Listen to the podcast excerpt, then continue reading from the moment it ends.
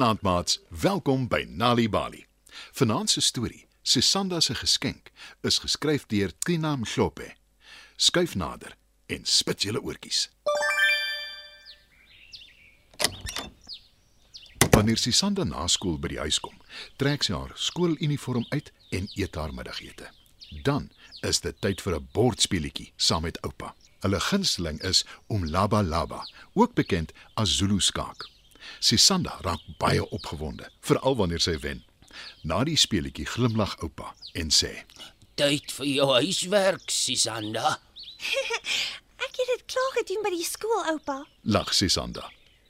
Oupa kyk na haar en sê ernstig: Onthou net, hoërskool gaan nie so maklik wees nie. Ek weet, oupa, maar ek hou van leer. En na skool wil ek universiteit toe gaan. antwoord Sisanda, net so ernstig.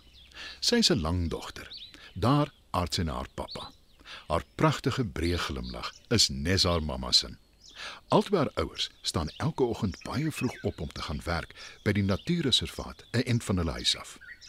Teen die tyd dat Sisanda by die skool aankom, is daar reeds busse vol toeriste by die reservaat wat gretig is om Afrika se wilde diere te besigtig. Sisanda geniet dit om die natuurreservaat te besoek. Haar ouers weet dit en hulle het haar met haar laaste verjaarsdag verras met 'n partytjie by die reservaat. Dit was 'n heerlike dag wat sy altyd sal onthou.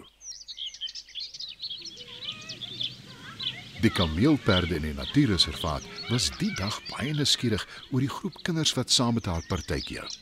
Hulle het hulle lang nekke behoorlik gereg om die klompie dop te hou. Dit het amper gelyk asof hulle ook van die verjaarsdagkoek wou hê. Sisanda is dol oor kameelperde. Alle diere is vir haar spesiaal, maar sy het 'n sagte plekkie vir kameelperde. Sy kan haar ure verkyk aan hulle. Een Vrydag kom pappa en mamma vroeg huis toe van die werk af en hulle lyk baie ontsteld. Wat is dit? Is iets verkeerd? Vra Sisanda bekommerd. 'n Swerm bye het vandag 'n mamma kameelperd bygekom. Die arme dier se kop was dik opgeswel, soos wat hulle haar gesteek het. Sy kon glad nie uit haar oë sien nie. sê pappa. Ag nee. En kameelperde het juis sulke mooi oë. Roep Sisanda. Mamma kyk hartseer na haar en sê: Die ergste van alles is ons kon haar nie help nie. Ons het alles probeer, maar te vergeefs. Sisanda kyk groot oog na haar ouers. Sy is na aan trane toe sy vra, Is sy maar sy kan nie die res van die woorde uitkry nie. Pappa knik sy kop en sê: Ja, my kind, die arme dier is dood. En die ergste van alles is haar kleintjie is nou sonder 'n mamma. Ag nee.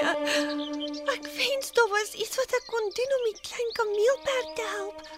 Hy moet seker baie hartseer wees. Huil Sisanda. Mamma probeer haar dogter troos. Sy lees vir haar 'n ekstra slaaptyd storie om haar te help om van die hartseer oor die klein kameelperd te vergeet. Na 'n hele ruk raak Sisanda uiteindelik aan die slaap. Die volgende oggend is 'n Saterdag. Sisanda is dou voor dag wakker en sy het 'n plan. Mamma, asseblief saam werk toe gaan vandag? Ek het 'n persent vir die klein kameelperd. sê Sisanda. Haar ouers kyk na mekaar en toe glimlag hulle en sê: Ja, natuurlik kan jy saam met ons kom.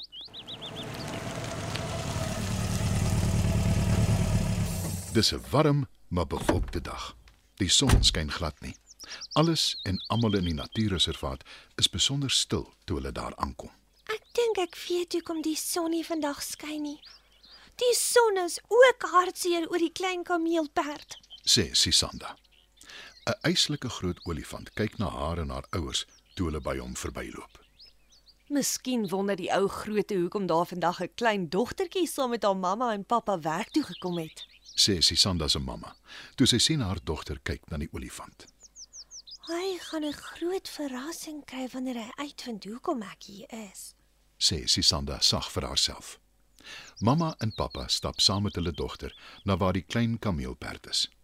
Sisanda sien dadelik hoe hartseer sy oogies lyk. Sy gaan staan so naby aan hom as wat sy kan.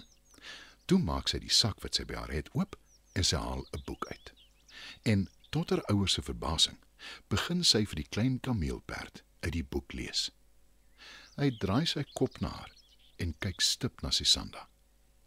Dis asof hy elke woord verstaan wat sy sê. Haar ouers kan nie help om te wonder hoekom sy so 'n vreemde ding doen nie.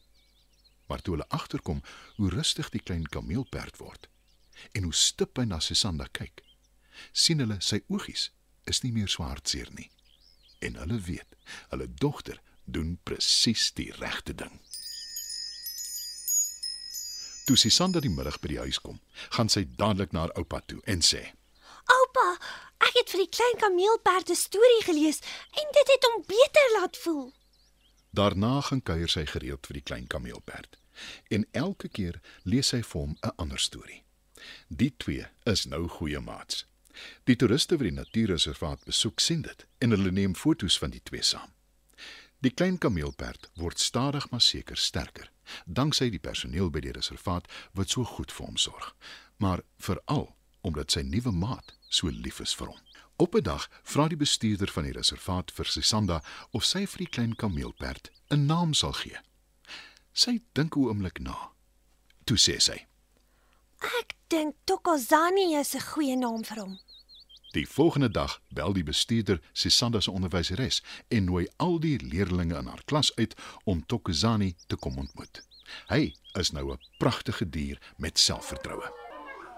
Die dag van die uitstappie wag die graad 3 leerdlinge al dou voor dag opgewonde vir die hek van die reservaat om oop te maak.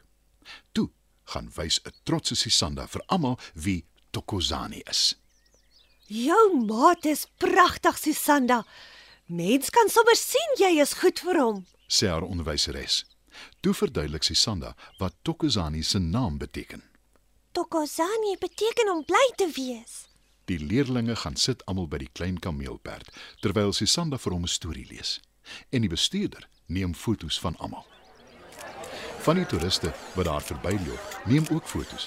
Daar is ook 'n fotograaf van die plaaslike koerant wat foto's neem. Hy beloof dat dit binnekort in die koerant sal verskyn. Almal klap hande. En almal is dit eens. Sisanda het vir 'n hartseer klein kameelperd 'n wonderlike geskenk gegee wat hom bly gemaak het. Sy het vir haar maat stories gelees. Dit was nog 'n Nali Bali storie maats. Sisanda se geskenk is geskryf deur Tinam Kloppe. Die storie is aangebied deur die Nali Bali leesvergenot veldtog in samewerking met Standard Bank en SABC Education. Pappa sit by die kombuistafel en lees sy koerant. Sy dogtertjie sit ook by die tafel. Sy is besig om te teken. Pappa leun oor na haar toe en vra: "Wat teken jy, skat?" Ek teken die leeu in die storie wat ouma my vertel het. Die een oor jakkals en leeu. Ek onthou die storie baie goed. Ek het dit ook altyd geniet toe ouma dit vir my vertel het. Kan pappa onthou hoekom die jakkals so bang was vir leeu? Stories met betekenis kan kinders help om goeie keuses te maak. En ware mans maak tyd om stories met hulle kinders te deel. Besoek ons webwerf www.nalibali.org vir gratis stories in jou eie taal. Of stuur die woord stories per WhatsApp na 0600 44224. Nali Bali. Dit begin met 'n storie.